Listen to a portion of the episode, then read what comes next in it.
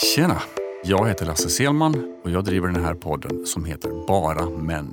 Syftet med podden är att jobba för det öppna och sårbara samtalet mellan män kring normaliserat manligt beteende. Och du, du är hjärtligt välkommen in i samtalet. Jajamän. Då eh, sitter jag här i min lilla poddkoja och eh, snett framför mig så har jag dagens gäst. Eh, digitalt, eller ja, vad man nu ska kalla det för, via Zoom. Och det är med lite pirr i kroppen eh, som jag känner efter lite någon slags förväntan vad, vad det kommer bli av det här. För min gäst idag är för mig Eh, den personen som har lett mig i den här riktningen. Den personen som har inspirerat, utan att veta att jag har funnits till, inspirerat mig till att dra igång min podd eh, i det här ämnet. Eh, och just det här öppna och sårbara nakna samtalet. Så without further ado hälsar jag Navid Modiri hjärtligt välkommen till podden Bara Män. Tack snälla. Alltså det, är, mm, det är stort för mig att ha det här. Jag, eh, jag försöker att inte vara star, starstruck, vilket är inte är helt enkelt. Men, men eh, eh, sam, och samtidigt så känner jag på något sätt för, att du är, du är en sån stark drivkraft, inte minst i det här ämnet, utan också i, att, i samtal. Eh, inte minst genom podd, din podd eh, Hur kan vi, som jag har följt under en längre tid. Alltså, en fantastisk podd med, med så viktiga samtal inom så många områden. Eh, och, eh, så jag ser fram emot att se vad, vad som kommer ur det här avsnittet. Och, eh, eh jag tänker så här inledningsvis att jag brukar alltid låta min gäst presentera sig själv. Och, och normalt sett så brukar jag låta gästen välja själv mm. hur man vill presentera sig. Jag ska frångå det lite grann idag och det kommer av min väldigt starka nyfikenhet på dig. Så jag tänker att om jag ger dig ramverket för det jag skulle vilja veta, hur, du, hur, hur, du, hur jag skulle vilja att du presenterar dig och hoppas att den utmaningen fungerar. Känns det okej? Okay? Det vet vi inte, men vi kör. ja, det är bra. Det är klart det är jag okej, tänker så här... Ja, vad bra, vad bra. jag tänker så här, om, vi, om, man tar bort allt det här med liksom det som man skulle kunna hänga på i egot i form av du vet, titlar, ålder, eh, eventuellt härkomst, utbildning ja, etc. etc. Och så hittar man liksom någonstans kärnan i vem är Navid Modiri? Förstår du vad jag är ute efter då? Jag tror det. Du vill inte ha de här mingelpresentationerna, du vill inte ha visitkorts eller LinkedIn-varianten av mig. Du är nyfiken Exakt. på vad som döljer sig bakom prestation, åstadkommanden och projekt. Just precis. Och om jag gräver bakom de där skyltarna och etiketterna, både de som jag satt på mig själv och som andra har kastat på mig och som ibland fastnar med kardborre i skägget och ibland glider av. Mm. Så är jag jävligt nyfiken. Mm. Och ofta räddare än vad folk uppfattar mig som. Vi har liksom inget ord för det riktigt hur det är att vara storliten. Mm. Jag känner mig ganska ofta storliten. Det är en märklig dubbelkänsla samtidigt som den är helt naturlig. På samma sätt som sorgglädje är en väldigt paradoxal men ändå vanlig känsla som jag kan uppleva. Jag tänker på allt jag har fått och i samma ögonblick tänker jag på att allt det kommer tas ifrån mig. Mm. Och den här storlitenheten, den är vanlig att känna. Men den är svår att förklara. Och jag känner ju att jag har väldigt mycket energi och väldigt mycket driv och nyfikenhet. Tror att jag kan uppfattas som ganska intensiv och känner mig ofta också väldigt intensiv och samtidigt helt lugn. Mm. Och självklar. Och alien. Så jag har så jävla svårt um, att inte presentera mig själv i paradoxer eller kontraster. Mm. Jag är superintrovert. Mm. Och jättesocial. Kanske... det, alltså det sista du säger här, det, det, alltså jag, jag kan känna igen mig i det. Och jag har, jag har en god vän till mig, jag tror jag nämnde det i tidigare avsnitt, jag kommer inte ihåg. kan vara det till och med när jag pratade med din, din, eh, din gode vän Mårten. Uh, han, han kallar sig för en social ensamvarg. Uh, det är lite samma koppling jag gör här alltså.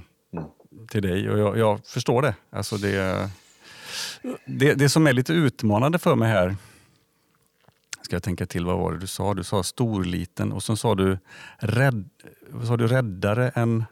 Jag uppfattas som ofta. Ja, så det. Räddare än du uppfattas som. För det kom lite överraskande för mig faktiskt. Uh, det är klart, det stämmer ju då. Jag uppfattar ju inte dig som rädd. Men jag tror att, kan det vara som så att den här nyfikna drivkraften är så mycket starkare än rädslan? Att den liksom, den tar dig bortanför rädslan för att den är så enormt stark? Jag vet inte Lasse. Jag känner ganska ofta att den som skriver ut checkarna sällan mm. är den som har koll på kontot. det är, det är så jävla mycket konflikter i den här kroppen alltså. På måndagen här... så bara går jag med på en massa saker. På tisdagen ligger jag och undrar vad fan jag håller på med.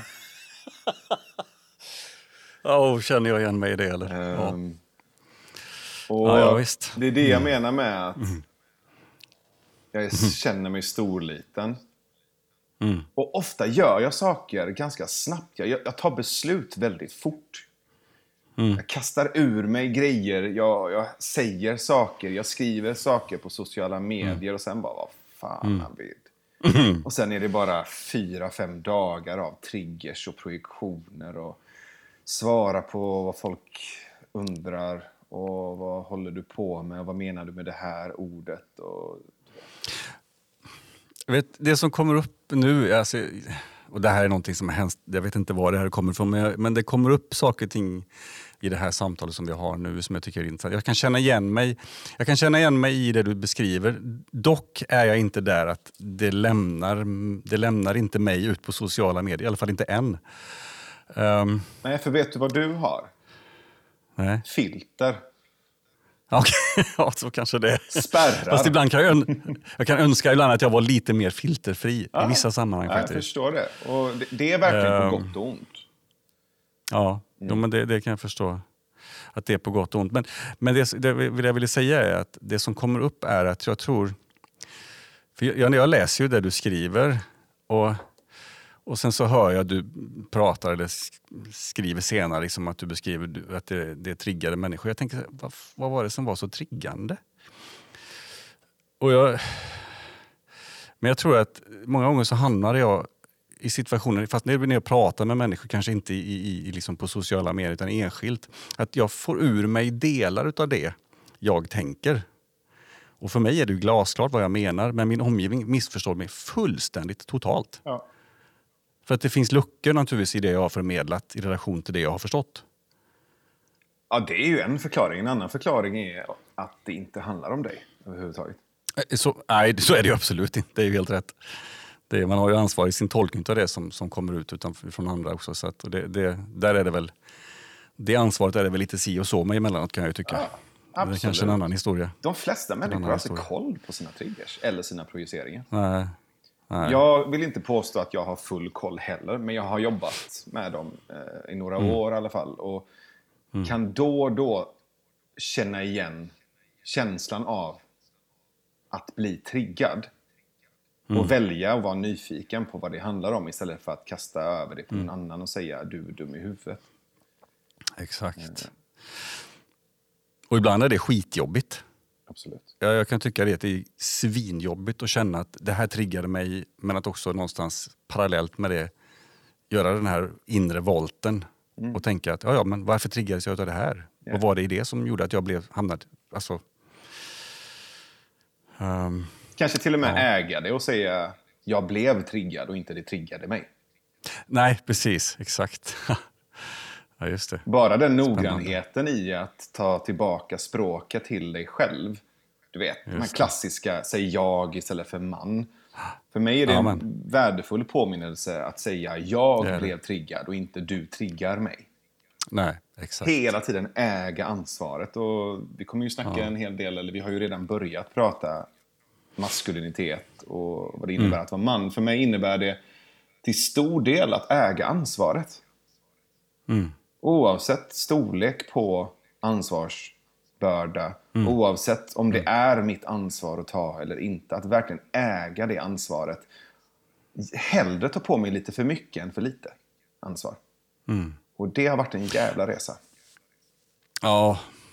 Oh. Ja, det, jag har gjort resor där och jag känner ju på mig att det kommer att bli mer. Men det, det är liksom någonstans... Känslan är att jag har löst biljett, jag har klivit på, det finns liksom ingen väg. Det finns ingenstans att kliva av. Det, det är ett aktivt val jag har gjort. Och det har jag valt att ta ansvar för. Ehm, och det känns skitskönt. Grymt eh, bubblande känsla samtidigt som det också naturligtvis i vissa fall är utmanande och jobbigt. Eh, Men med utmaningar kommer ju, kommer ju växande för mig. Ja, vad härligt. Eh, Det var eh, kul att höra. Jag är inte så förvånad på något sätt. Det, det kändes som att, ja. Um, det kändes som att jag redan visste det. på något sätt om dig. Du, vi ska göra en, ehm, en eh, för stunden en incheckning. eh, för att både inför oss själva och varandra egentligen bara skapa uppmärksamhet kring var vi har vår uppmärksamhet just nu. Uh, vi sysslar med många saker dagligdags och precis som du säger, du lovar på måndagen saker du ska göra på tisdagen och någonstans sitter och funderar på alla de när, uh, när du är klar med de här eh, Alltså när man väl har lovat saker så sitter man med tankar och funderingar. Så att jag tänker vi gör en sån incheckning där vi går igenom vår uppmärksamhet och delar den med varandra. Mm. Eh, om du känner att du är okej med att börja så får du jättegärna göra det. Okej. Vill du guida mig och berätta hur det går till? Eh, ja, det kan jag göra. Eh, jag tänker att, eh, att gör man gör en reflektion över saker och ting som finns i ens tankar egentligen. Mm. Vad har jag? Vad har jag mina tankar? Frånsett att jag kan ha dem just här, just nu, så kan de finnas i ja, någonting, något projekt man håller på med, någon process som pågår, eh, saker och ting som ska göras senare sen, i eftermiddag eller imorgon. Mm. Eh, ungefär så. Då är jag med dig. Bra. Varsågod.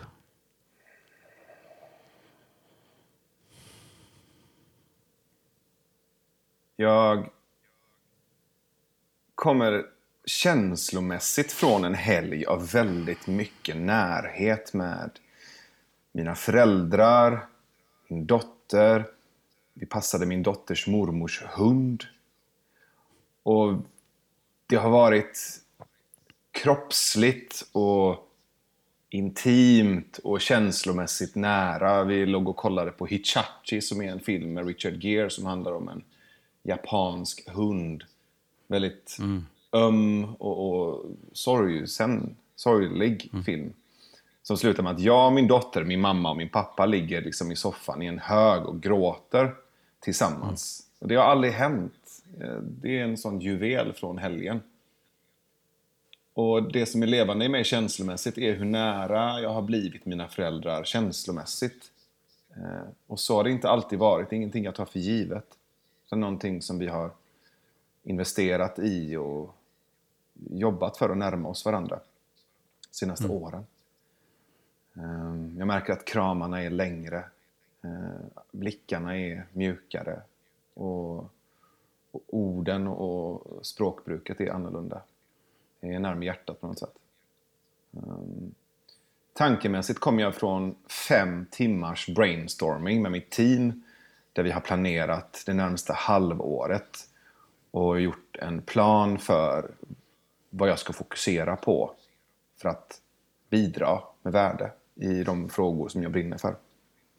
Mm. Och Det som är som en tydlig röd tråd är att komma förbi bullshit, att komma förbi fasader, att komma förbi illusioner och lögner och tabun och vara på riktigt, prata på riktigt, eh, närma sig det som är på riktigt. Så en röd fluffig tråd av autenticitet men också kraft. Det är ingen tunn jävla sytråd utan det är så här tjockt, du vet. Mm. Förtöj mig. Det är ett rep. Um, mm. um, som är närvarande just nu är att jag känner mig ganska framåtlutad. Uh, har väldigt mycket energi. Uh, och mycket kraft i liksom kroppen. Uh, mm. Lite rastlös, jag har suttit lite för länge. Eh, skulle vilja slåss lite. Känner mig lite aggressiv, lite, lite sådär. lite lite som, en, som en stor jävla hund som bara vill liksom springa runt och bitas lite och brottas lite. En björn, där är jag. alltså vilken härlig incheckning. Jag bara känner, wow. Det var nästan så att kunde inte varit här så hade du fått en stor björnkram. Eller jag hade vält dig. Jag hade vält dig. det är så jävla ja, nice. Men det, ja, men det kanske hade varit bra. Och brottas, alltså brottas är så underskattat. Ja. Det är sjukt ja, säger jag. Uh, ja. Det var länge sedan kan man säga som jag gjorde det. Men jag, jag, jag kan ta till mig den tanken faktiskt. Tack för det, tack för, för den incheckningen. Mm, um, och jag, vad jag gillade din uppdelning, jag kände bara så här, shit vad, vad bra. Liksom en, en känslomässig, en tankedel. Liksom. Alltså det var, det var liksom någon slags upp, ja, uppgradering ja, av incheckningen. Jag tyckte om det. Vet du var den kommer ifrån? Den kommer från min mansgrupp som är inspirerad uh, av en verktygslåda från The Mankind Project. Jag ska bara ge dig den som en, som en liten mm. sån. För den har gett mig och även storebror-teamet mycket glädje. Just det. Fika det. heter den incheckningen. Aha. F-I-K-A. Det är akronym för ja. fysiskt, intellektuellt, känslomässigt, andligt. Wow. Ja, den tar jag med definitivt. Vad fräckt alltså. Fysiskt, intellektuellt, känslomässigt och andligt. Ja, det var kanon. Riktigt, riktigt bra. Det, är liksom, det satte en väldigt tydlig struktur på incheckningen. Jag gillar den. Jag gillar struktur. struktur är bra. Ång, ångestdämpande har jag hört att struktur är också från en psykologkompis. Att, uh... vet, vet, du varför? Vad sa du? Vet du varför? Uh, varför struktur är ångestdämpande? Mm -hmm. uh, jag kan väl gissa kanske. Eh, nej, det gör jag inte. Du får gärna berätta. Det är en slags ordning. Mm. Och ordning är motsatsen till kaos. Mm. Det är inte svårare än så. Nej. Vi behöver ordning. Fan att, jag, fan att jag inte gissade, för det var precis det jag skulle sagt. nej då, nej men det, ja, vi behöver definitivt ordning. Sen gillar jag kaos. Uh, eller sagt, jag har lärt mig att tycka om kaos, kan vi säga. Um, fast det beror naturligtvis på. Men jag har lärt mig tycka om kaos eftersom jag också vet att jag kan ta kaoset och skapa en ny ordning ur det. Inte alla kaos jag har valt att hamna i, utan del, eller ja, jo, på vilket plan man ser det på. Men, men, men eh, om jag ser det ur ett intellektuellt perspektiv så kan jag uppleva kanske att jag inte tror att jag har valt alla kaos som jag eh, har varit i och är i. Men eh, jag är väl ganska säker på att på något plan så är de där eh, för att jag egentligen kanske behöver dem mer än vad jag vill ha dem. Um... Låt oss återkomma till samtalet om ordning och kaos. Eh, för att det känns som en ganska stor eh, diskussion. För jag vill inte hijacka din incheckning här. Var ödmjukt omtänksamt av dig. Um, jag, min incheckning ser ut så här.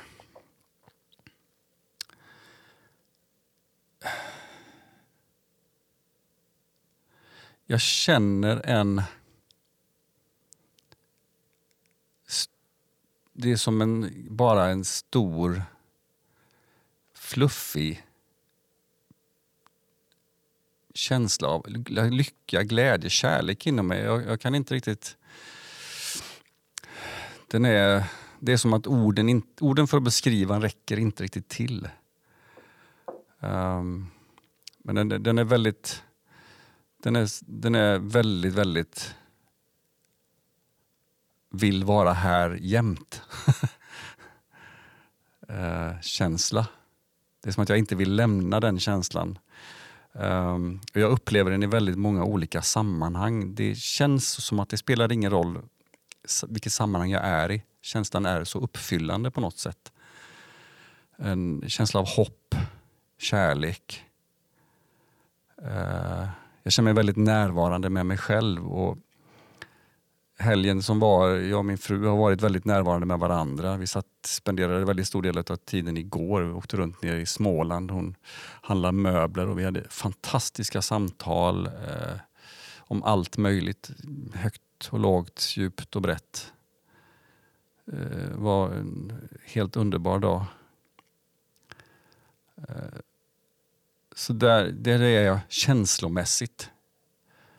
Um, för att följa ditt spår tankemässigt känner jag att jag har väldigt mycket projekt igång. Eh, jobbet, vi har mycket projekt hemma. Eh, men det är som att det inte påverkar mig riktigt. Jag känner ganska stor, jag känner stor tillit till att de projekten inte... Alltså de projekten är inte de förflyttar mig inte bort ifrån där jag är. Utan de finns vid sidan om. Jag plockar ner dem, plockar in dem, tar hand om dem, lägger dem åt sidan. Och tar nästa ungefär. Eh, det är lite ovanlig känsla. Jag, jag har haft en tendens tidigare faktiskt att, att bli stressad av just den känslan att ha många olika saker igång.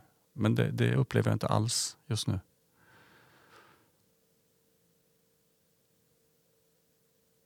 lite sensation för min egen del till och med när jag sitter och pratar om det. jag, har inte, jag har inte tänkt på det ur det perspektivet.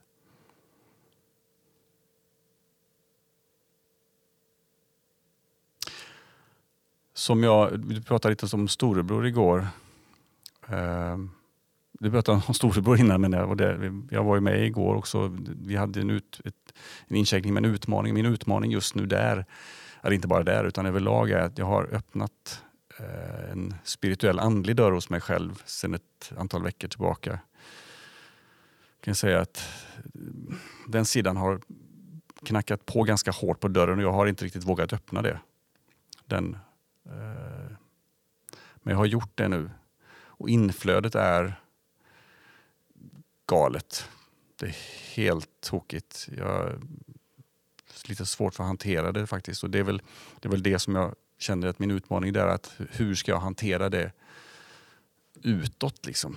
Vad, vad gör det med mig i mina olika roller? Och det har jag, där har jag en... Eh, den finns hos mig. Eh, i, lite så att säga på min axel i olika saker jag gör. Den finns med mig som en sån här liten grej som poppar upp ibland på min axel. Även nu när vi sitter här och pratar. Eller när jag är på jobbet eller vad jag än kan vara. Um, så ur, ur tanken kring kaos och ordning, så det här är, där är väl mitt lilla kaos kanske, skulle jag kunna påstå, för tillfället. Men det är hanterbart. Uh, och inte på något sätt obehagligt. Lite mer förväntansfullt tror jag, skulle jag kalla det för.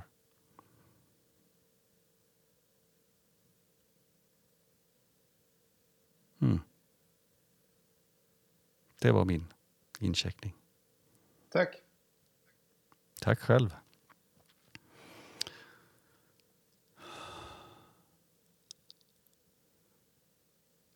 Vet du vad, det här var nog första gången som jag tror jag kände att min incheckning fick ett djup som jag inte haft innan. Och Jag tror att det till stor del beror på dig. Nej, jag tror inte det. Jag vet att det beror på dig. Det är någonting med den energin som du har. Jag tror att det är... Ja, jag behöver inte gå in på någon mer djupare förklaring men det är någonting med den energin som du bidrar med som gör att det bara infinner sig där. Så det vill jag tacka extra mycket för. Jag är ganska säker på att det var du. ja, jo, förvisso. Men jag tror, jag tror också på att vi har i relation till människor så... Alltså det är lite som när frekvenserna ligger väldigt nära varandra så förstärks de och skapar en, en, en starkare vibration. Um, jag är väldigt känslig för den typen av frekvens, både likheter och frekvensolikheter. Eh, det brukar kännas väldigt tydligt och här är det väldigt, väldigt kraftfullt men ändå samtidigt lugnt. Och nu menar jag precis mitt i solarplexus här. Um. Mm. Kul.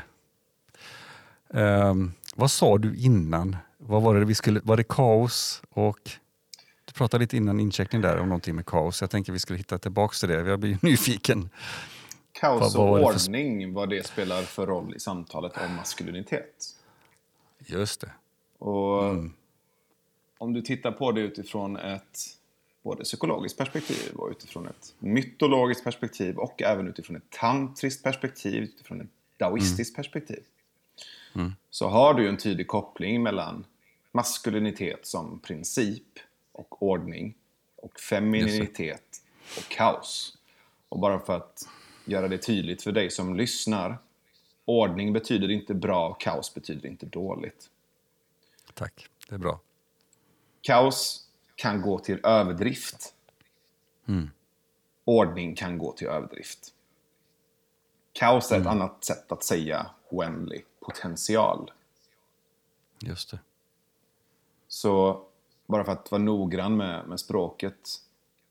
När du har både kaos och ordning tillsammans så uppstår någonting som vissa kallar för Gud eller mm.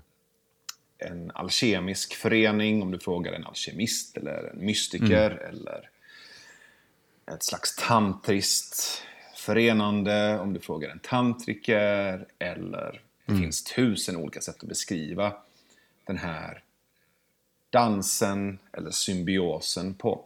Och det här finns mm. genom många traditioner, många både religioner och livsåskådningar och eh, genom årtusenden och kulturer och civilisationer som har försökt närma sig vad det här är. Men de här två principerna behöver varandra. Um, någonting som är spännande när jag, när jag lyssnar på det, är att jag, jag, kommer att tänka på det här när du pratar om kaos och att, att du känner dig okej okay med det. Uh, mm. Så funderar jag på vad det betyder. Jag tror att jag har själv sagt liknande saker och det behöver inte betyda att det, det du säger är samma sak som översätts i min värld men jag lärde mig för några år sedan att jag har en dragning till kaos. Mm. Vilket gör att jag till och med känner mig trygg och mm. lugn i kaos. Och det är inte samma sak som att det är bra för mig. Det betyder att det är bekant. Mm. Det betyder inte att det är bra för mig. Och jag har lagt märke till att när jag snarare går till förnuftet och tänker på vad som vore bra för mig och faktiskt använder hjärnan mm. så skapar jag tryggare strategier för mitt liv än om jag lyssnar på den här dragningen till kaos. Kan, men kan det vara så att... Um, ska vi se om jag hittar rätt i mina... Um, för precis som du säger här så kan jag uppleva exakt samma sak. Att, att jag till och med kan... Eller till och med, jag kan känna exakt som du säger, jag känner mig trygg, jag känner mig till, kan till och med känna mig väldigt bekväm i att kanske inte, inte, inte, inte skapa eller fabricera kaoset. Men det är lite som att... Jag, måste ju vara ärlig här. Det är lite som att i kaos så kan jag släppa ansvaret lite. och, och vila lite grann i det på något sätt. För att precis som du säger, när, man, när, jag, behöver, när jag behöver ta in mitt rationella tänkande, då behöver jag form, form, alltså forma eh, en tillvaro. Och det finns en större utmaning där, kan jag uppleva för min del. Absolut. Um, och jag ska vara ärlig och säga att utmaningar för mig är någonting som jag har flytt ifrån historiskt. Mm. Alltså, jag har tyckt att det varit för jobbigt så att jag har hellre liksom adresserat det som att, precis som du sa innan, jag har mer adresserat ordning eller det maskulina som någonting dåligt. Då. Mm. Hellre värderat det feminina som, som, som någonting bra för att det har varit bekvämt och skönt för mig. Absolut. Uh, men jag inser precis som du säger också, men det är inte bra. Alltså, det, det, är långt ifrån bra. Mm. Uh, balansen är ju överhuvudtaget det bästa. Jag menar, en, en, en, man som kommer från det trygga maskulina startar ju inte en podd om maskulinitet. Nej, det, det, kan du ha väldigt rätt i. Det har du. Och, och, en man som kommer från det trygga maskulina startar ju inte heller en digital mansgrupp för att stötta andra män. Nej. Så jag gör ingen skillnad på dig och mig. Nej, nej jag, förstår det. Så, jag förstår det. Bara för att vara tydlig. Eh, så det här, det här är inte en replik som kommer liksom ovanifrån, utan snarare det finns någonting där. Jag kommer också från ja. ett liksom, maskulinitetsår. Jag kommer ifrån att ha upplevt maskulinitet som någonting våldsamt, aggressivt, hotfullt. Ehm, jag umgicks knappt med andra män och de män jag umgicks med var väldigt feminina. Mm. Jag var den där killkompisen som tjejerna hade, du vet. Mm. Oj, jag, är, den, ja. jag, är liksom, jag kommer från en familj av starka matriarker. Otroligt starka mm. kvinnor. Eh, mm. Där det är snarare kvinnorna som är aggressiva och dominerar männen. Och männen är ganska så här, äh, toffliga och små. Liksom. Um, så det ja, det ju, har vi gemensamt. Det var ju liksom efter att jag blev pappa som jag märkte att åh, fan, jag kan inte hålla tillbaka. Jag kan inte dölja, jag kan inte trycka ner det som finns i mig som är starkt maskulint som vill ut. Men så mm. fort mm. jag blev pappa så kände jag att det som vill ut är ju skadat. Det är ju mörkt. Det är en jävla tyrann. Mm. För jag tryckte undan den. Jag har, jag har mm. ingenting stabilt eller tryggt eller vackert att mm. forma den runt. Så jag skämdes arslet av mig. Jag tog avstånd liksom från min familj och från min dotter. Alltså det var hemskt. Alltså...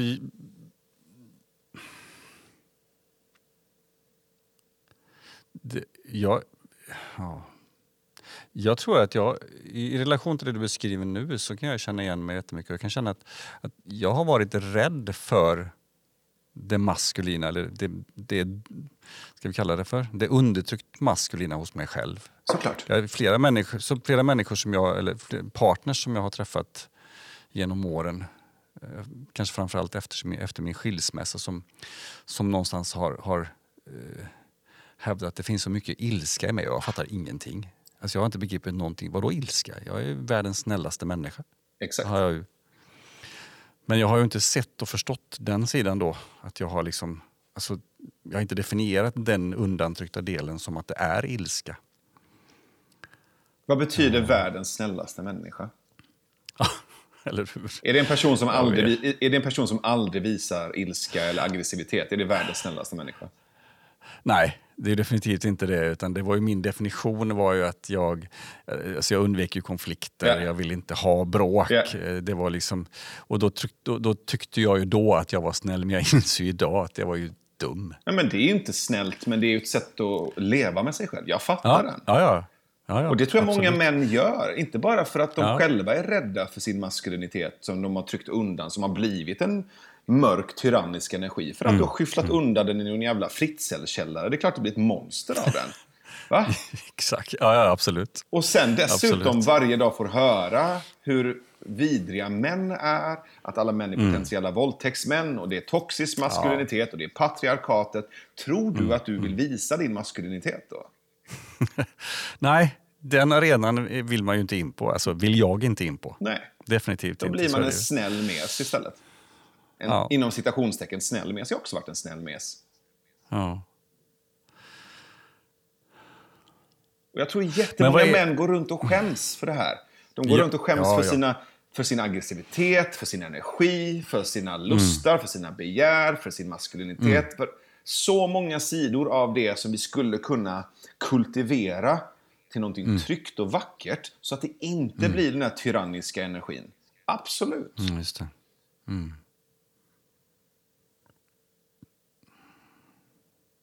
Jag kommer ihåg när vi pratade, du och jag, eh, inför det här poddavsnittet för ett antal veckor sedan. Så du sa någonting som fäste på mig och det var just det här att eh, då hade du metaforen troll, tror jag vi pratade om, när man släpper ut sitt troll så, i ljuset så dör det. Mm. Um, och Det har varit en period för mig utav att släppa ut en massa troll i ljuset i olika sammanhang och relationer. Det har varit en fantastisk upplevelse. Um, det var liksom som att de stod på kö och ville liksom bara Fan släpp ut mig nu, nu, nu räcker liksom. Du kan inte gå omkring och bära på det här längre. Det, det här är inte bra för dig. Liksom. Det, det, slår mig nu att den här bubblande känslan av den här fluffiga, kärleksfulla ly lyckan som bara infinner sig tror jag kanske beror just på det att det är färre troll som trängs där nu på insidan. Det är en väldigt sympatisk förklaring. Finns det någon annan? ja, det gör det säkert. Jag är väldigt skeptisk till sympatiska förklaringar. För min första reaktion när du sa det där, med det kärleksfulla ja, ja. fluffet, ja. det var det som alla hippies kallar för oneness och harmoni. Aha, okay. Och det är livsfarligt. Jag är så jävla Nej, jag, skeptisk Ja, men det, det finns... Ja, men nu, det, nu jäklar, nu, mm. nu, nu, nu slår du an en sträng. Mm. Det finns en sida till av mig faktiskt här som... som, som eh, och, och jag är väldigt tacksam över att du ställde den frågan, för det som känns faktiskt det är också... Nu ska, nu ska ni som lyssnar veta det att Lasse har kavlat upp ärmarna. Det gillar jag. nä, nä, nästa steg så åker tröjan av. Ah, ja. Nu är jag varm. Ah, ja, det bubblar liksom. det är varmt. Ah, det är varmt. jo, men... Eh, oj, jag tappade, jag tappade nästan spåret här. Mm. Det var... Alltså det som känns utöver det här är att... Alltså... Jag, jag upplever att jag under en allt för lång tid har försökt att verka väldigt höll jag på att säga, ska vi säga dygdig, alltså genom att verka vara bra kan vi säga då. Mm. Uh, istället för att bara, bara inse att ja, jag har väl skit i mitt bagage. Och det är väl helt okej. Okay. Det är ingenting jag behöver skämmas för. Och det har också hänt under en period. Alltså, jag är inte rädd för att prata om saker och ting som finns i mitt eget bagage som är undanstoppat, nedtryckt och dolt under alla vackra saker. Och det känns också skönt. Det är också en del av det här inre fluffet. Inte för att de är borta, men för att jag faktiskt till och med kanske lite stolt över att jag faktiskt erkänner dem för mig själv, att de finns där det so what, liksom. Hade jag, varit, hade jag varit i rummet bredvid dig nu, vet du vad jag hade gjort då? Uh, då hade jag knuffat dig så hade du vält från stolen. vet du varför? Nej. För att det inte ska vara så jävla skönt och mysigt hela tiden. ja, men, åh, det var roligt du sa det. Jag, så, vad fan, jag såg på en film häromdagen, jag måste bara få... Det var någon som... Jag kommer, jo, det var Bridesmaids, har du sett den filmen? Absolut, flera gånger. Ja, ja visst. Och jag vet inte, jag kommer, inte ihåg de här huvudpersonerna, liksom, men, men, vad de heter. Men hon, de bryter upp de här två tjejkompisarna. Eh, det blir, lite, blir väldigt skavigt där och hon beter sig lite illa på den här uh, möhippan eller vad det var man ska kalla det för och välter hennes tårta och gör massa Yeah. dumheter. Yeah. Sen, sen ligger hon hemma och tycker synd om sig själv och då, då kommer ju en annan person i den här, kommer hem till henne liksom och mer eller mindre bankar på henne. Liksom, ungefär, det är livet som kommer, det är utmanande, det här gör ont. Så. Alltså, det är så, så jag älskar den scenen, den är så skön. Yeah. En sån fantastiskt skön scen. Jag har haft några såna i mitt liv och så, det är så skönt. För den som är bäst på att ge mig de stunderna det är min fru. Hon brukar sparka mig i arslet ordentligt i jämna mellanrum. Jag älskar det. Uh, framförallt när jag verkligen behöver det. Vilka, män, vilka män i din omgivning är det? Ehm. ja, det, det är en bra fråga. Jag tror... Nej, alltså min, min, min tekniker är här, han kan göra det ibland. Lite försiktigt än så länge. Jag tror att han skulle kunna göra det mycket mer. Jag tror faktiskt jag ska, eller jag, jag ska be honom göra det mer. I övrigt har jag faktiskt ingen som gör det. Det är lite dåligt med, med män som, som gör just de bitarna. Eh, jättebra, bra fråga från dig faktiskt. Hur upplever du själv? Förutom, alltså jag vet ju när man in, in i Storebror så är det ju där, där, där, där är ju så att säga arenan den är ju upplagd för delvis det. Har du, har du själv såna män i din omgivning? Du Absolut. har det? Fan vad skönt. Mm, Och, men det är inte heller he helt självklart. Jag har inte alltid haft det. Nej. Eh, Men de senaste åren har de männen uppenbarat sig. Jag har också bjudit in dem på ett annat sätt. Både Ja. Mm. äldre mentorer, men också i min mansgrupp som jag träffar, som är min mansgrupp med mina Mm. åtta män som jag träffar. Och vi jobbar ju fyra timmar varje gång vi ses, varannan vecka. Och där är det verkligen... Uff, det är eldigt och det är hårt Mm. och det är rått.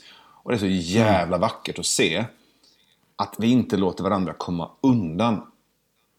Fan vad skönt. Nej, Lasse. Det är inte skönt. Jo. Nej, det är inte skönt. I, i, inte ens i efterhand? Jo, lite. Men skönt är inte ordet. Det är bråkigt och det är rått och det är skam och det är sorg och det är ilska. Och lite skönt. Det finns en lättnad i det. Men det är inte skönt som är ledordet eller kompassen överhuvudtaget. Jag hade... eh, Jag eh, jag har haft under många år eh, uppfattningen om att konflikt eh, leder till olika former av uppbrott. Eh, vilket har varit en av orsakerna till att jag har försökt så mycket jag bara kan undvika konflikter. Eh, min fru har ju lärt mig att så är det inte. Och, eh, och vi har ganska, jag kan inte säga ofta, men vi har konflikter. Eh, och numera så upplever jag ju inte det att de är jobbiga. Jag upplever det snarare som så, jag upplever dem sköna. Alltså, det är någon slags gott ont i det. Mm. Ehm. Mm. Men du, eh, du sa att du har bjudit in, för där, där, där kände jag att jag faktiskt skulle ställt frågan också. Hur, hur, hur gick du tillväga för att bjuda in till just den, eh, den upplevelsen liksom, tillsammans med andra män? För det kan jag tänka mig, där finns ju, det finns ju jättemycket eh, att hämta ur det sammanhanget. Även om det precis som du säger kanske inte nödvändigtvis måste vara skönt. Jag blev ju pappa när jag var 25. Det är ändå relativt tidigt skulle jag säga i mina kretsar. Och då märkte jag att jag hade så mycket sår gentemot det maskulina, gentemot min egen farsa, gentemot andra män. Och sen skämdes jag bara och hade ingen aning om vad jag skulle göra av den där skammen och ilskan och frustrationen och aggressiviteten. Men så var det en kompis till mig, Henrik Wallgren, som tipsade om att det fanns eh, eh, en möjlighet att åka iväg på en helg tillsammans med andra män och jobba med de här bitarna.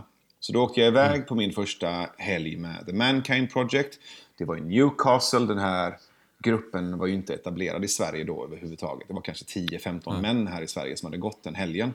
Så jag åkte dit helt själv, kände inte en jävel. Kommer dit 50 man som ska gå den här helgen tillsammans med mig och sen 50 män som är där för att eh, leda oss genom den här helgen och 10 äldre män som är där som, som mentorer. Mm. Och de 72 timmarna förändrade ju mitt sätt att se på maskulinitet och på andra män.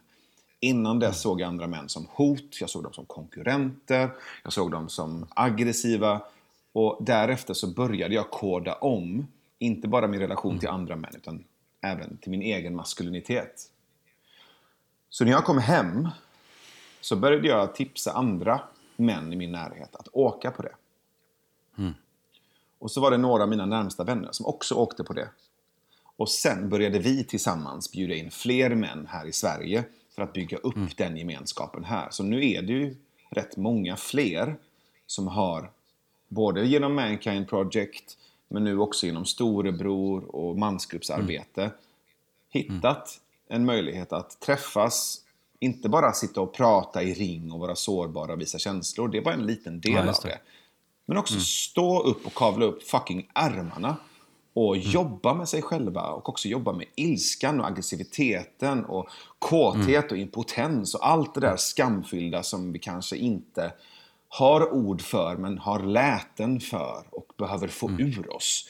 Inte bara genom tal och ord och intellekt och koncept utan också genom huggtänder och klor och att göra det mm. på ett sätt som är okej okay med våra andra bröder att möjliggöra att också få ur saker ur kroppen med rösten och med energin. Mm, mm, mm. Och att det får vara aggressivt. Och att det är välkommet. Men att du vet var gränsen går. Du slår inte en annan bror. Du använder inte våld mot en bror. Nej. Men mot en mits, mot en kudde, mot ett golv. Utan att skada dig själv eller någon annan. För att få ur dig det där. För att också få koll på din aggressivitet. För att också frigöra den energin på ett ansvarsfullt mm. sätt och släppa ut den. Det finns ingenting som är så farligt som män som trycker undan sin aggressivitet. Nej. De är livsfarliga. Det är de som dyker upp på McDonalds med en AK4. Just det. Män som håller på med brottning, kampsport och som går ut och rastar sina demoner med ett koppel. Mm. Mm.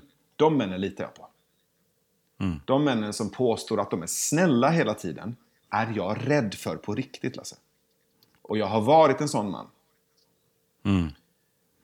Jag litar ja, inte på den passiva aggressiviteten, jag litar inte på snällismen, jag litar inte på mm. konfliktundvikande. Jag litar på män som säger stopp, som sätter gränser mm. och som höjer rösten när de behöver. Mm. mm. Där finns det någonting. Där finns det någonting medvetande gjort. Mm. Jo men alltså, det, ja, oh, jösses. Jag jag har ju upplevt situationer under en period, precis där du beskriver just det här med, med liksom att inte släppa ut sin aggressivitet. Eh, jag har befunnit mig i situationer där jag har kunnat reflektera på mitt eget resonemang och tycka att nu är du fan korkad som håller på på det sättet. Men jag har inte, inte haft förmågan själv att kunna bryta det mönstret. Det har inte varit ett, ett våldsamt mönster rent fysiskt. Nej. Men jag har ju, har ju, har ju liksom kunnat reflektera på, min, min, på mitt, mitt eget mitt, mina egna, min egna argumentation och, och slags, ur ett slags inifrån eller utifrån perspektiv och tycka att jag är jävligt dum i huvudet som håller på så här men ändå inte haft förmågan att bryta det mönstret. Uh, och det finns, det finns andra former av våld än det fysiska. Oh ja, oh ja. absolut. Både inåt och utåt. Och det fysiska är nästan på något sätt lättare. För det kan vi lagstadga. Och det kan vi se. Mm. Det andra oh, våldet, ja. det är passivt mm. aggressiva, det mm, giftiga, mm. blickarna, insinuationerna, mm. orden. Mm. Mycket, mycket svårare att lagstadga. Och jag menar inte på att jag tycker att vi ska lagstadga det. Det är bara att det finns väldigt många olika sorters våld. Um, och jag tror att vi ska vara varsamma med att mena på att det fysiska våldet alltid är det absolut värsta och farligaste. Det är det inte i alla situationer. Nej. Eh, jag har ju själv upplevt mycket av det du beskriver, det passivt aggressiva under väldigt många år som, som ung.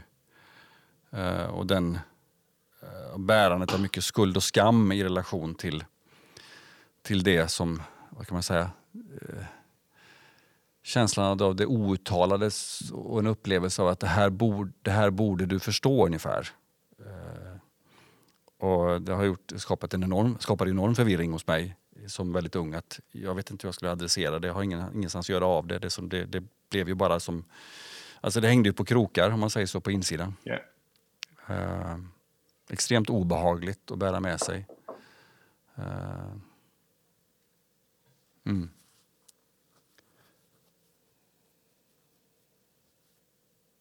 Mm.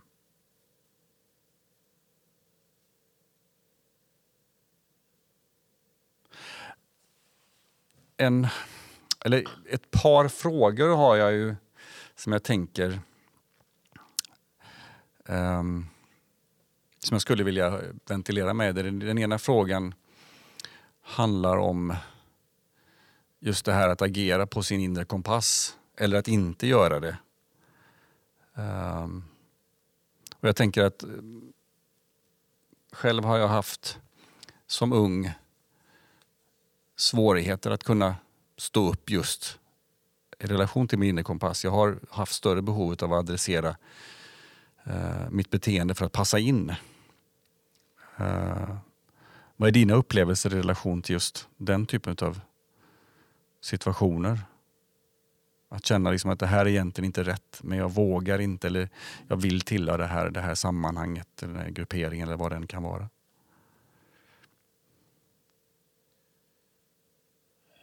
Jag upplever att det finns så många olika lager av den där rädslan.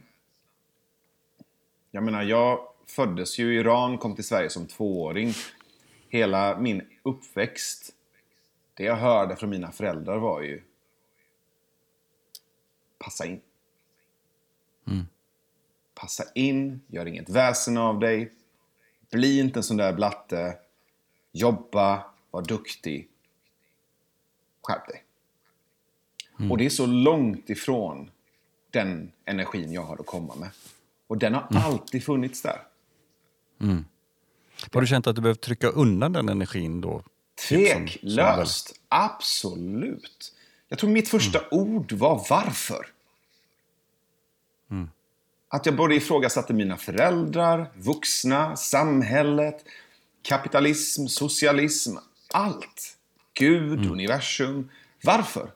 Hur funkar det här? Mm. Varför? Hur funkar det här? Jag tror jag var åtta när jag insåg att vuxna inte hade koll. Att alla vuxna mm. ljög hela tiden. Mm. Att alla vuxna går runt med fasader och skyltfönster och låtsas som att allt är okej. Okay. Mm. Det var enormt ensamt. Och att bli ljugen mm. för, fortsatt, efter den åldern, gjorde mig vansinnig. Jag bara, du vet inte bättre än mig. Så varför mm.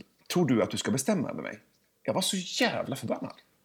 Så jag har ju varit mm. arg väldigt, väldigt mycket i mitt liv. Mm. Och det har ju både varit en drivkraft men också en förbrännande kraft. För den ilskan, jag hade liksom ingen... Det, det, var inte alltid en klok ilska, det var inte alltid en vis ilska. Jag kunde inte stänga av på den riktigt som barn eller som ung. Så under långa perioder så trodde jag ju att jag skulle bete mig på ett visst sätt, vara på ett visst sätt. Jag menar, mm. jag klev på någon slags karriärscykel som kulturarbetare, jobbade på Sveriges Radio och Sveriges Television och skulle, du vet, vara någon slags mm. Politiskt korrekt hipsterkaraktär, mm. du vet en duktig integrationsföreläsande, femininiserad, du vet, snäll, mm. schysst kille. Mm. Och alltid den här dissonansen mellan vem jag var i skyltfönstret och vem jag var med mina kompisar. Jag har alltid varit mm. rå, alltid varit buffig, mm. petig, mm. alltid haft vidrig humor, älskat rå stand-up. Du vet, mm. Richard Pryor, Bill Hicks, mm. George Carlin. Det har varit mina idoler mm. hela vägen. Men jag har inte vågat säga att jag tycker att Bill Hicks demonporr-sketch fortfarande är bland det roligaste som finns. Men jag tror att jag har sett. Nej, men alltså... Han, han, hela, hela skämtet går ju ut på att det är en demon som har sex Mm. med en 14-åring. Okej. Och det roliga är att man inte får säga det. Det roliga är att man får inte precis. skratta åt det där. Och då sitter jag ju, jag minns den här scenen så tydligt. Jag sitter med en av mina bästa kompisar hemma hos honom. Hans flickvän Mm. sitter bredvid. Vi sitter och tittar på Bill Hicks. Och han drar det här demonporrskämtet. Den här demonen har den här liksom 14-åringen liksom gränsle över ansiktet och bara säger “grab on to my horns”. Och du får inte säga så, Lasse. Det är så vidrigt. Det, det är liksom pedofili. Det är, det är liksom en, en, bara så här, det är en demon som har... Alltså, det är så många fel. Och skrattet är ju inte att godkänna situationen. Det är ju en release av tabut. Och det är det Bill Hicks har fattat. Och då sitter jag ju i soffan och skrattar så jag gråter för att det är så fel och det är så tabu, man får inte så jag måste. Varpå min bästis sitter i soffan med munnen ihopsnörpt som ett jävla anus för att han vill verka som en schysst kille framför sin flickvän. Hon tittar på mig och tittar på honom och bara, hon får inte ihop det. Hon får inte ihop det, för han ljuger. Och så tittar de på mig och bara, tycker du det är roligt? Jag bara, ja! Det är skitkul! och så tittar de på min bästis och säger hon, tycker du att det är roligt? Han bara, nej, absolut inte. Jag bara, din jävla tönt, du ljuger ju! Han bara, nej jag lovar, jag lovar, jag tycker inte att det är roligt. Och jag fick inte ihop den situationen. Som 20-åring sitter jag där, jag bara, vad fan är det som händer? Just det. Jag ska se ut så där som honom. liksom. För det är artigt, det är civiliserat, det är politiskt korrekt. När jag egentligen känner så här. Och jag fick inte ihop det här. Det här var en mindfuck som jag gick runt med i tio år. Jag känner så här, men jag borde vara så här. Jag känner så här, jag borde vara så här. Jag tycker det här är kul. Jag har alltid tyckt det här är kul. Men det får man inte visa, för det får man inte säga. Men, det, men det, det som jag hör i det här, vilket jag tycker är fantastiskt befriande också, det är ju att nu är det ju, som, nu är det ju humor och humor kan trigga på ett sätt som gör att man kan liksom inte motstå, det går inte att bromsa. Humor Alltså, ska det blir så- trigga. Till och med. Vad sa du? Det ska, det är inte bara kan. Ja, det ska. nej precis, exakt, det ska, precis. Och då tänker jag så här, det blev ju samtidigt då en situation där du, egentligen, där du inte kunde, eller ville, hålla tillbaka det du tyckte och kände. Som blev extremt utmanande då för din Mm. Ja, omgivning. Vilket absolut. är också görspännande. Absolut. Eh, och det är väldigt befriande. Jag tycker det är väldigt befriande att höra dig prata om det här. De här personerna, jag, jag är inte så bekant med... Richard Pryor känner jag, känner jag ju till och även Carlin. Då, och jag älskar ju att lyssna på eh, exempelvis Jonathan Unge. Jag tycker Ja. han har Perfekt. fantastisk humor. Liksom. Den tilltalar mig på alla nivåer. Eh, Men grejen med Bill Hicks, jag måste bara slå ett slag för Bill Hicks. Du som lyssnar, Ja, googla ja. Bill Hicks eh, och försök hitta den här demonporr-scenen. Bill Hicks var magisk. Hade han levt Mm. idag så hade han pissat på den här ängsligheten. Han hade, han hade drivit med allt och alla som man inte får Mm. driva med just därför. För det är en komikers uppgift att göra. Mm, Att trampa på tår och hitta gränser genom att kliva över dem. Det Bill Hicks gjorde var att han, han bara körde på. Han var helt, helt vansinnig och gränslös, vilket gjorde honom genialisk. Och det som hände var att han fick en cancerdiagnos och läkarna sa då tre månader kvar att leva. Vet du vad han gjorde då? Då gjorde han sin sista här- turné.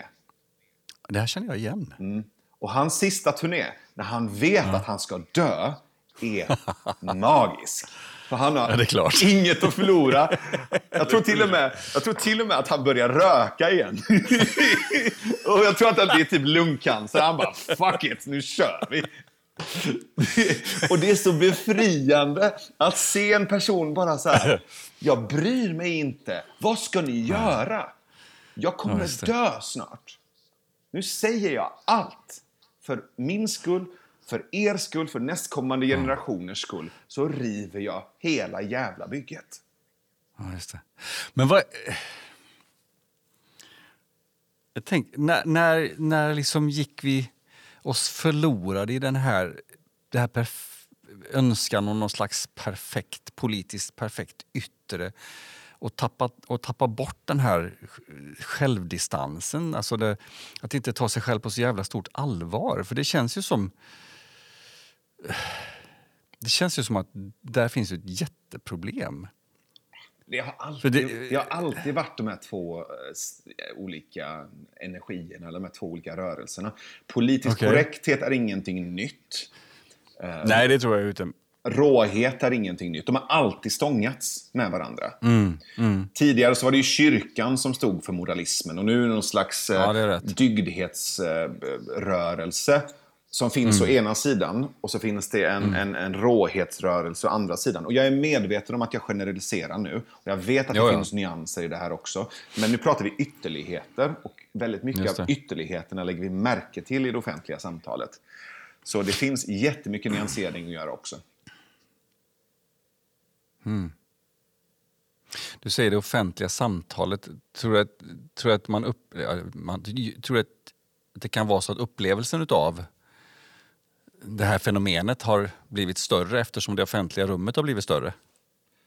Absolut. Jag tror också att mängden offentlighet vi släpper in i våra liv har ju mm.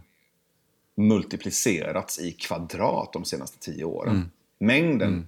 samtal, information, tyckanden, röster, perspektiv som vi släpper in idag jämfört med bara tio år sedan är ju bisarr.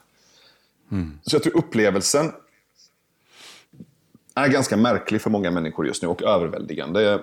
Jag tittade på Social Dilemma på Netflix häromdagen och mm. tog bort den sista sociala medieappen från min telefon och bestämde mig för att vara väldigt varsam med hur mycket av det här som jag släpper in i mitt liv.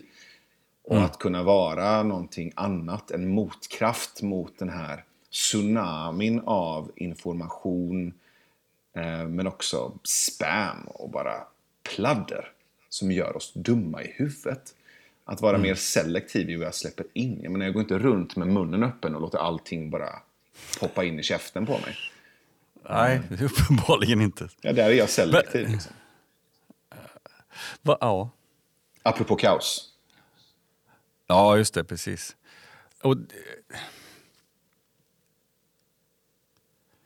det var någonting du sa här som jag, det fastnade precis sen slank det bort. Um, för det slog mig häromdagen utav alltså i en annan karaktär. Jag satt, jag satt och mediterade här i, kan ha varit i förrgår. Och, och under den med, första meditationsstunden så, så, så fullkomligt vältrades jag över utav upplevelser från film som jag hade sett under en period. Och jag bara fick den här känslan att vad är det jag föder mig själv med för typ av film?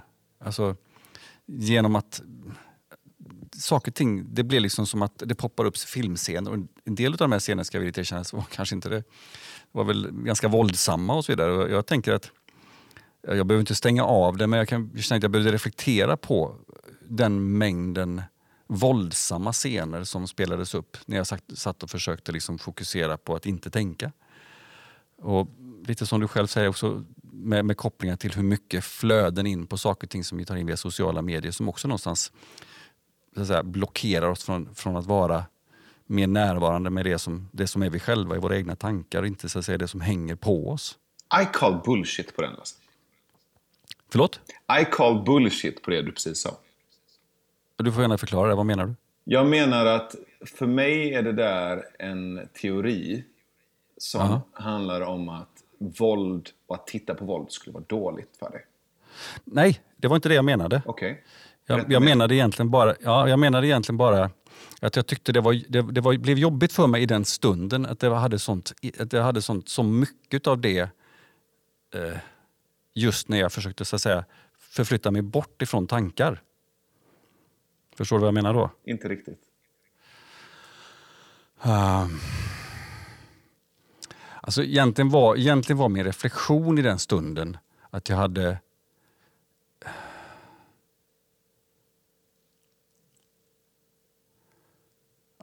Alltså, reflektionen var egentligen att jag, jag blev förvånad över hur mycket av de tankarna som dök upp. Mycket och jag vilka fick en, tankar? Alltså, nej, tankar, bilder. Bilder från alltså film, filmsekvens. Du vet, det poppade upp bilder från filmer jag sett. Ja, och mycket och, och, våldsamma du, scener? Ja, det var våldsamma scener. Ja. Uh, och det, inte, sagt, inte därmed sagt att det nödvändigtvis är något dåligt, utan jag blev mer förvånad över hur mycket av dem som, som hängde kvar mm. Hos mig. Och Eh, fick en känsla just i det, den stunden att jag hade önskat att det kanske inte var så många som var där. Sen vad det berodde på, att de kom just då, det, det vet jag ju inte. Um, jag är mer nyfiken på, jag varför, tål... jag är mer nyfiken på varför du önskade att de inte skulle vara där. Vad sa du? Jag är mer nyfiken varför... på varför önskade du att de inte skulle vara där? Jag hade svårt att fokusera. Okay. Att släppa tankarna. Det var liksom, ja, det, jag, förstår din, jag kan förstå din en dimension till av den frågan. Mm. Eh, vilket faktiskt gör mig själv lite nyfiken på också. Ja. Varför just dem? Ja, och varför den, fråga, den, frågan har, den frågan har inte ställt mig. Det är lite intressant. Ja, och varför vill du bort från det? Uh, I stunden med meditationen vill jag ju bort från mina tankar. Varför för att kunna, för att säga... Vad sa du? Varför då? Varför? Ja. det, jag tror faktiskt att eh, det, det tror jag beror största, till största delen på att eh, jag har en uppfattning om att man ska vara fri från tankarna i sin meditation. Mm. Uh, mm. Så de blev egentligen störande för mig baserat på att jag trodde att jag behövde göra, alltså prestera meditationen på ett annat sätt. Blir det någon klarhet i det? Absolut. Förstår du vad jag menar? Jag förstår ja. precis vad du menar. Ja, men det var en bra reflektion. För helt plötsligt så blir de inte så jobbiga egentligen i relation till det de var, utan de blir jobbiga i relation till det jag ville prestera. Yeah. Och det kan jag ju faktiskt välja hur jag förhåller mig till det. Jag menar, allt du tar avstånd mm. ifrån lär du dig själv är dåligt. Istället för att vända dig till... Nej, men allt det du tar avstånd ifrån, ja. både utanför dig själv och inuti dig själv, lär du dig mm. själv är dåligt. För varför skulle du annars ta avstånd ifrån det? Om det så är våldsamma scener, aggressivitet, mm. maskulinitet, mm. kåthet. Mm. Om du gång på gång när det dyker upp bara nej, och så bara nej, och så bara nej, och vänder dig bort från det. Mm. Så visar du och lär dig själv att det där är någonting negativt. Mm. Om du istället vänder dig till det och säger hej. Vem är du? Mm. Det är det jag menar med nyfikenhet. Att vara nyfiken på de mörka sidorna i sig själv. Mm. Att vara mm. nyfiken på de våldsamma scenerna och vad de försöker säga dig. Mm. Att försöka vara nyfiken på aggressiviteten, eh, sorgen, tomheten, meningslösheten, hopplösheten i dig. Istället för bara, nej, jag vill inte känna det där. Jag vill inte tänka nej, det. det. där. Mm. Jag tror det finns också en, en missuppfattning om att meditation på något sätt skulle vara att inte tänka eller att göra sig fri från något genom att vadå, vända sig bort. Det, det tror jag inte stämmer faktiskt.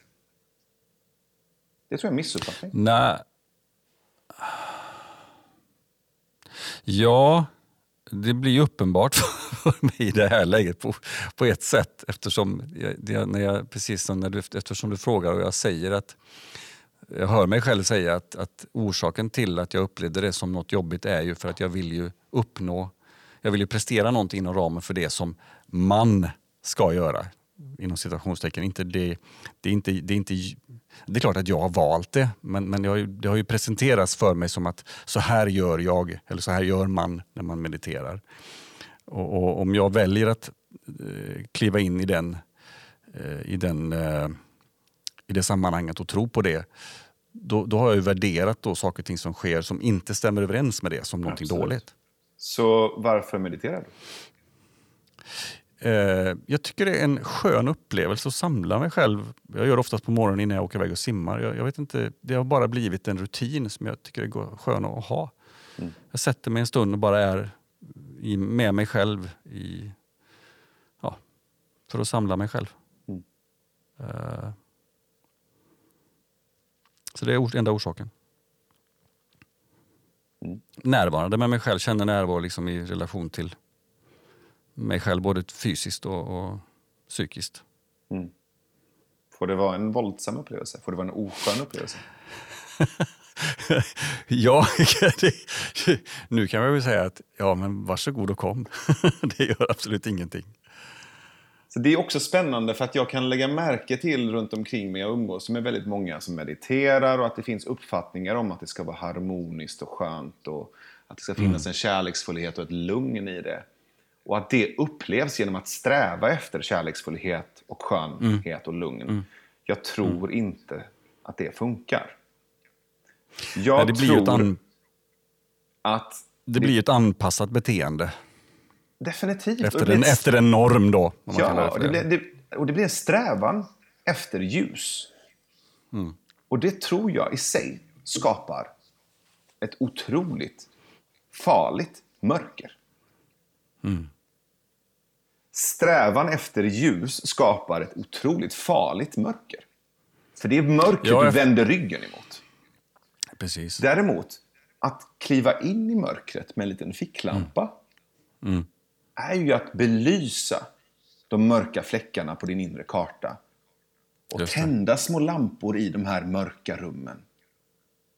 Och det är det riktiga ljuset, det du använder för att lysa upp det som är mörkt.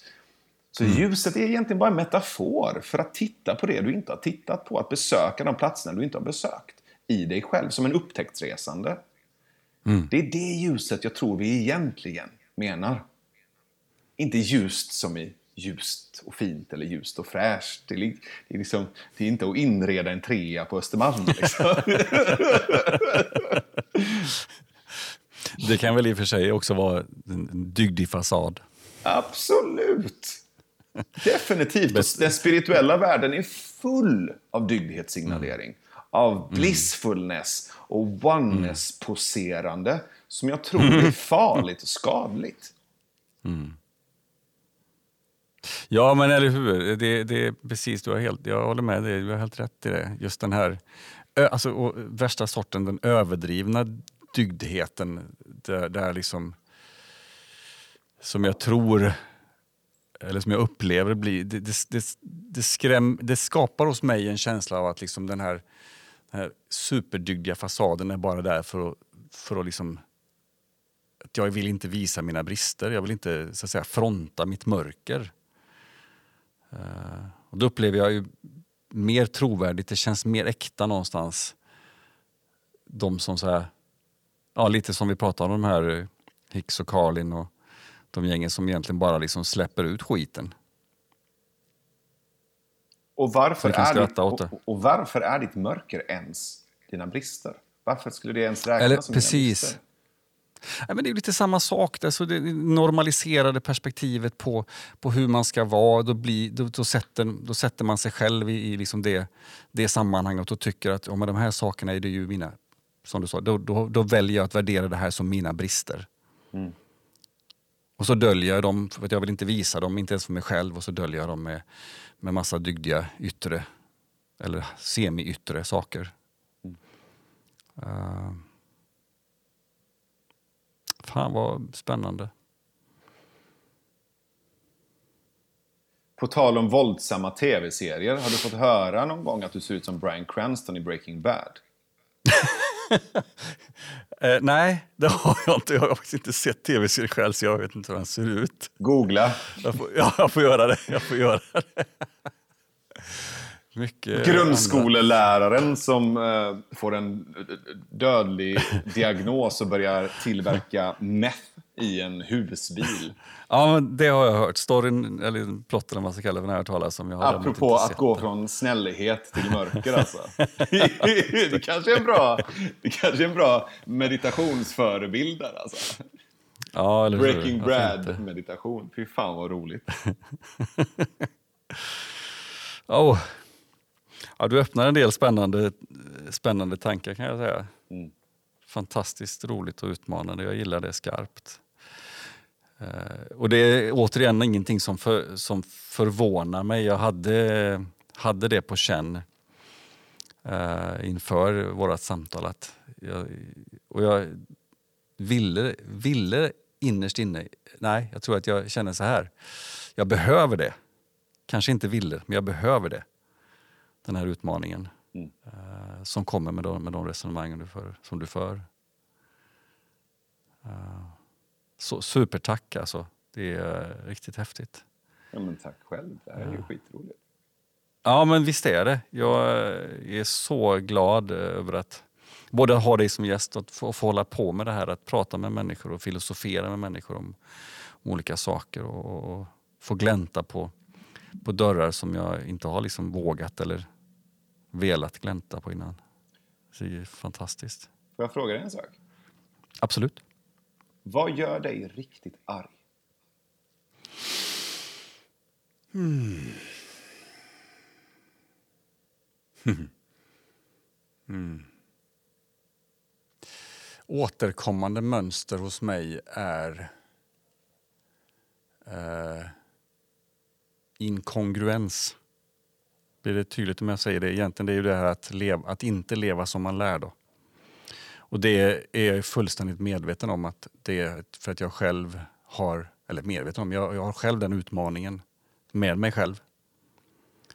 Uh, sen är det svårt, jag har svårt att säga att det gör mig riktigt arg. Jo, det kan göra mig riktigt arg. Men det är lite som, det finns grader i helvetet om man säger så. Alltså, på en viss nivå så kan jag bli lite irriterad, på, på andra nivåer så kan jag bli arg, riktigt arg. Om jag hade varit 17 år och, och suttit och lyssnat på det så hade inte jag fattat vad du menar. Tack. Nej, det... Om vi nu tänker att det finns en massa unga män och killar där ute ja. som lyssnar på din podd. Vad gör dig riktigt ja. arg? Svara på frågan. Gör det enkelt. Ja, det, jag letar efter det enkla. Mm.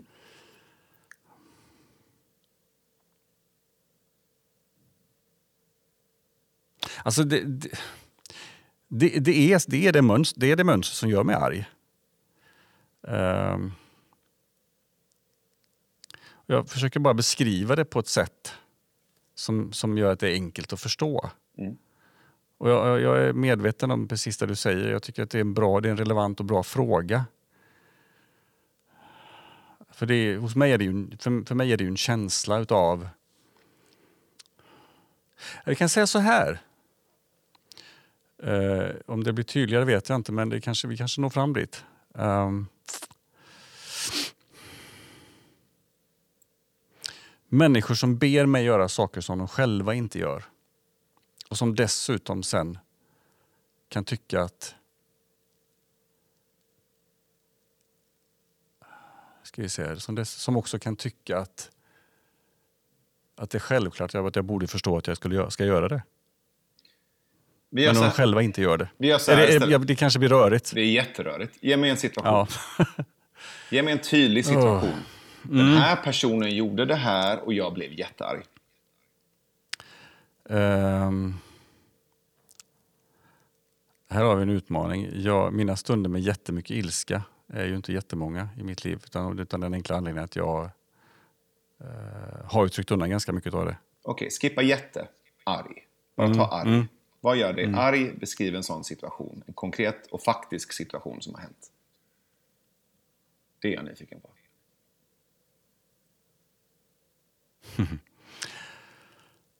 um...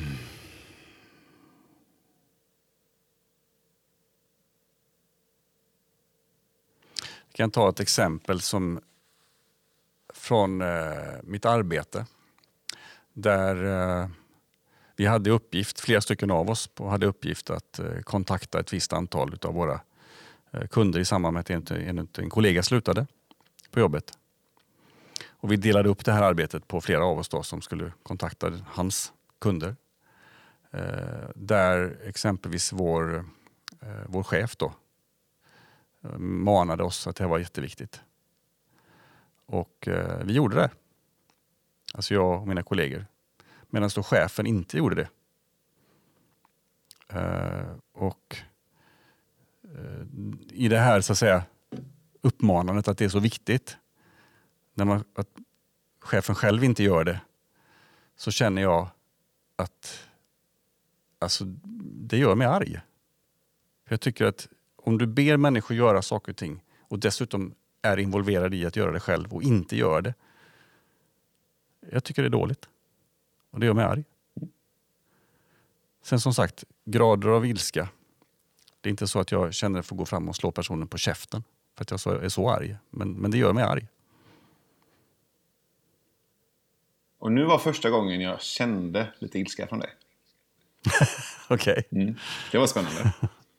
Häftigt. Mm. Uh, ja, men det kan jag nog, eller det kan jag känna, jag kan känna lite grann ilska hos mig själv ja. också. Kan också lägga det märke till att de här fluffiga formuleringarna, det här abstrakta intellektualiserandet, mm. tar det bort ifrån känslan. Så genom att bara så här, gå rakt mm. på sak. Vad mm. är det som gör dig arg? Gå in i situationen, mm. känn känslan. Där är ilskan.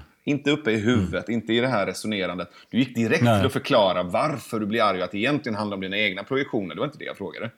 Nej, det är sant. Skyddsmekanism. Absolut, mänskligt. mänskligt, normalt, vanligt. Ja. Men det var fett att få känna att få känna det nu. Mm. Få känna det. Se det ja, men det var det, det, det, var det här också. Det, det, det, det är en skön, det är skön upplevelse alltså, att, att få liksom bryta ner det på den nivån. Att verkligen liksom gå in i en faktisk upplevelse och, och definiera. Jag, jag, lyssnar ju på mig själv när jag pratar. Vad är det jag säger? Liksom. Mm. Och tar in det och det får snurra några varv in i huvudet. Kan inte du i beskrivningen Sannolikhet. av det Ja. Kör, säg du. Uh, och det, det som var ännu mer utmanande för mig, men som jag kände, alltså, jag kände bara så här, nej men skit i det. Alltså, det, det, är att min chef, som dessutom är min kusin, vilket är helt underbart, som jag älskar, han kommer kanske lyssna på det här, vilket gör det ännu roligare. Perfekt. Ja, nej, men det är faktiskt sant. Det, det, det känns verkligen så. För jag kände att eh, liksom, jag, kan inte, jag kan inte göra något hittepå. Alltså jag, jag, är, jag är för det äkta och sanna, jag kan inte hitta på någonting. Utan jag plockar upp det äkta och sanna. Då kanske ni får unna er en konflikt. Det ser jag fram emot. Fan vad mysigt. Ja, jag med faktiskt. Perfekt. Jag funderar på om jag, skulle, om jag skulle föregå det här avsnittet genom att prata med honom och säga att du, by the way, du finns med som ett exempel i nästa poddavsnitt och jag sa så här om dig. Mm. Ja, tillbaks till vad sa du i, i uh, du sa någonting om uh, inför det här avsnittet eller vad du ska sa. Kan du inte i avsnittsbeskrivningen till det avsnittet skriva, skriva ja. att varje gång Lasse säger ordet skönt så ska man dricka en öl? Absolut. Det är, en, kul, det är en kul lek. Dricka en klunk ja. alkoholhaltig dryck varje gång Lasse säger att någonting är skönt. Det är som det här, vad är det, ställa spel va? Man ja, det är en dryckeslek. Ja, precis. Ja, precis. Har jag sagt det många gånger? Eller? Absolut. Skönt. Jag säger nu, skönt, skönt, skönt, skönt, drick som fan. Folk kommer vara helt plakat efter avsnittet. jag lyssnar på bara män, jag är så jävla full alltså. ja, vad roligt. Åh, oh, vad gott. Hörru du min vän, jag börjar känna att um, vi närmar oss någon form av avslut. Jag har lite grejer kvar och du behöver dra iväg. Mm. Uh, jag vill inte hålla dig kvar efter utsatt tid. Uh, och jag tänker vi ska avsluta på ett bra sätt, inte bara att du säger hej då och går. Mm. Så jag tänker så här att uh, om vi gör först en utcheckning och den fungerar i stort sett på samma sätt som tidigare. Min egen erfarenhet är att det sker ju saker och ting med samtal, vår uppmärksamhet förändras. Eh, kanske inte i det långa perspektivet alltid, men i små saker som sker. Jag kan ju uppleva massa saker som har förändrats i, i mig under vårt samtal. Eh, vi börjar där så har vi bara ett par korta saker kvar efter sen. Mm. Är det okej okay för dig? Perfekt. Härligt. Eh, ja, men jag vill gärna låta dig börja igen och göra utcheckningen. Jag känner kroppen är full av energi. Jag var liksom rastlös redan innan och behövde brottas och slåss. Och nu känner jag det ännu mer. Så jag ska hem till min kompis Alex nu och han kommer ju få känna på en del av min rastlöshet kan jag ju säga. Jag kommer liksom kasta mig på honom så fort jag ser honom. Um, mm. Jag tyckte om att få men, brottas känslomässigt och intellektuellt med dig. Jag känner mig levande jord och väldigt mycket här och nu och i kroppen. Att det här var kul och det var lustfyllt och bröligt och tillåtande och inte så jävla tillrättalagt. Och det uppskattar jag. Um, mm. Tyckte det fanns rum för att uh, hålla på och, och, testa och leka och du vet lite som hundvalpar som håller på mm. uh, och som nafsar på varandra. Det kändes nafsigt och roligt och lekfullt. Um, Så det checkar jag ut med. Härligt. Och ja, jag checkar ut med en annan lyckokänsla i min kropp. Eh, inte som innan, eh, men lyckan av att ha haft ett flertal utmaningar att adressera, vilket jag är enormt tacksam för. Eh, jag känner liksom att det här är saker som jag vill vara mer närvarande med. Eh, jag vill vara mera i det som är mig istället för i vissa sammanhang det som jag har tagit på mig som ska vara mig. Som ska vara jag. Eh, en känsla av begynnande frihet. Lite som jag sa inledningsvis, där du beskrev, där du beskrev att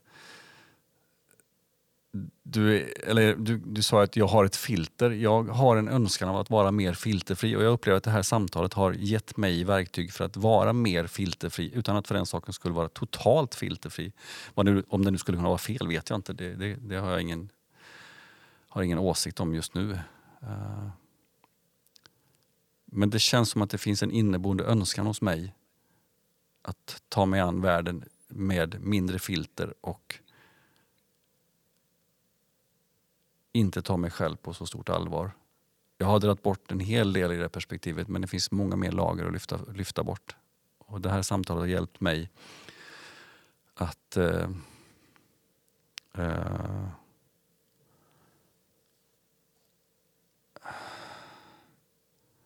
att tro på det. Att tro på den sidan av mig själv. Det är min utcheckning. Tack. Tack själv.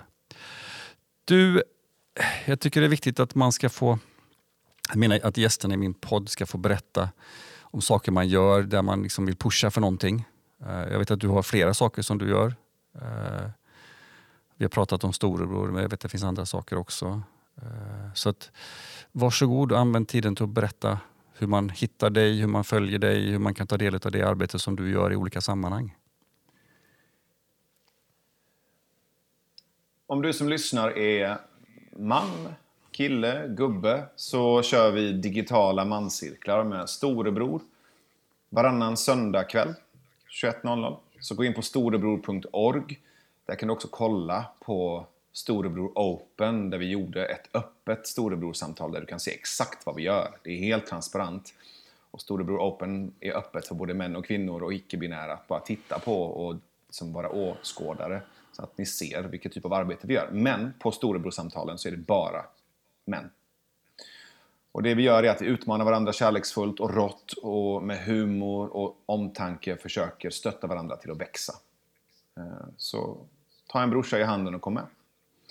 Och sen vill jag även pusha för min och Mårten Granlunds nya poddkanal, Mandomsprovet. Som jag antar kommer ha premiärat i tid till att Lasses avsnitt här eh, släpps, tror jag. Annars så är den på när, gång. När i tiden ungefär ligger den? 6 oktober kommer vi släppa första avsnittet. Mm. Så det kan vara så att eh, det är på gång i alla fall. Eh, men du vet att 6 mm. oktober har Mandomsprovet premiär. Och Mandomsprovet är alltså en poddkanal. Och mm. ett av programmen heter Mårten och Navid. Och sen så kommer vi fylla på med fler program med både mig, mig och Mårten och med andra män. Så syftet mm. här är att skapa en poddkanal som heter Mandomsprovet där vi fyller på med innehåll för män. Härligt. Och sen så finns ju Hur kan vi? Eh, mm. Strax över 100 avsnitt, eh, lite mer än 100 avsnitt, jag vet inte exakt. Vi har gjort en jävla massa avsnitt. Både mm. på svenska och engelska. Eh, vill du bli triggad, utmanad, inspirerad, påfylld, gå in på hurkanvi.se. Finns där poddar finns och på Youtube. Senaste avsnittet är ett samtal med Elaine Eksvärd, retorikkonsult och eh, författare, föreläsare. Hon har skrivit en bok om sin pappa och eh, det traumat och de sexuella övergrepp som hon har varit med om. Så vi pratar om förlåtelse och vi pratar även om mäns psykiska hälsa. Så det vill du inte missa. Mm.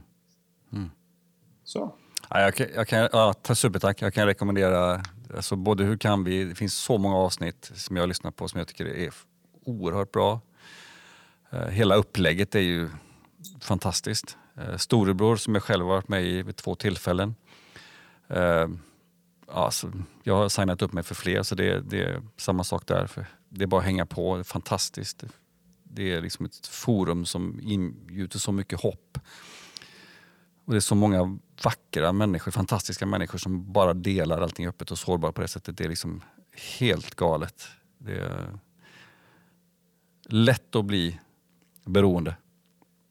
finns värre saker det- att vara beroende av än det, absolut. den typen av samtal.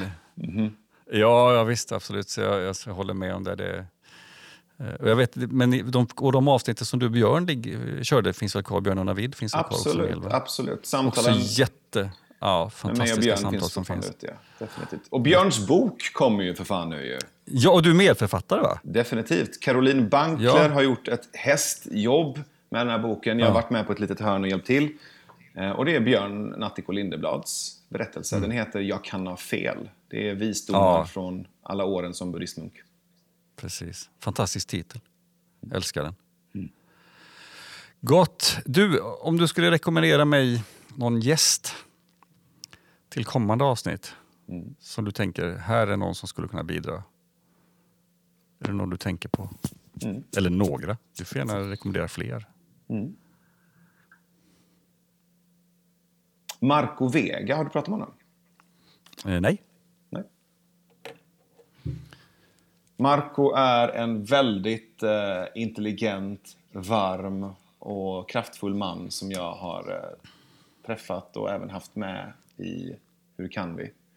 Det finns ett avsnitt där Marco och Mike från Mankind Project, Mike Holdstock, som också är en intressant typ att ha med här, och Christer Karlsson från eh, Rättspsyk här i Malmö satt och pratade om maskulinitet.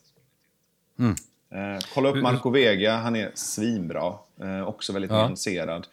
Eh, mjuk och hård samtidigt, det gillar vi. Det är gött. Härligt. Tack snälla. Tack du! Eh, och supertack igen för att du ville vara med i podden. Det, är, det har varit utvecklande, utmanande och skönt. Kom den igen. Nu, sista fan, drinken för... nu, slår de i, nu slår de i backen, Lasse, här borta. Ja, det är sista, sista, drink, sista klunken för ikväll, eller för dagen. Så supertack eh, Tack och jag önskar dig en fortsatt fantastisk dag, eh, vad du nu än tar för dig. Eh, och vi kommer att synas säkert, eh, med säkerhet i storebror sammanhang om inte annat. Det hoppas jag.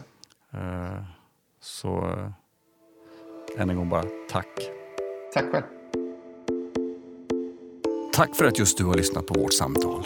Podden är producerad av pods.se som är en del av Pricka Studios. Du hittar fler avsnitt på Acast, Spotify, Soundcloud eller där poddar finns. Du kan också få information om fler avsnitt via våra sociala medier. Vi finns på Instagram på namnet bara underscore bara underscore man. Ett spännande namn men tyvärr fick det bli så. Och på Facebook som bara män. Nya avsnitt publiceras var 14 dag och skulle du vilja stötta våra samtal så är du hjärtligt välkommen att kontakta mig på lasse selman.se. Selman med S-E-H-L-M-A-N. Där hittar vi en lösning tillsammans som passar dig. Tack och du är hjärtligt välkommen tillbaka till nästa samtal.